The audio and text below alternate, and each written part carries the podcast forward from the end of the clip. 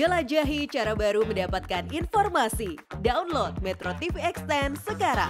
Pemirsa Kejaksaan Agung menanggapi vonis kasasi Verdi Sambo CS yang disunat Mahkamah Agung. Kejaksaan Agung menyebut tidak bisa mengajukan peninjauan kembali atau PK terhadap putusan kasasi yang diberikan MA terhadap Verdi Sambo dan kawan-kawan karena pengajuan PK hanya bisa dilakukan oleh terpidana atau ahli waris saja kewenangan kejaksaan dalam hal ini adalah jaksa penuntut umum untuk melakukan upaya hukum luar biasa berupa PK sejak tanggal 14 April 2023 sudah dianulir oleh Mahkamah Konstitusi dengan putusan nomor 20 tahun 2023 sehingga kita tidak mempunyai kewenangan lagi untuk melakukan PK dalam perkara tindak pidana.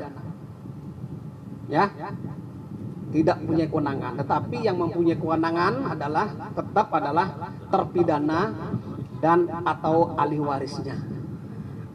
Kita tinggal tunggu nanti setelah dilakukan eksekusi, setelah statusnya keempat terdakwa ini menjadi narapidana, maka yang bersangkutan juga diberikan kewenangan kesempatan untuk mengajukan PK yang diatur secara hukum ataupun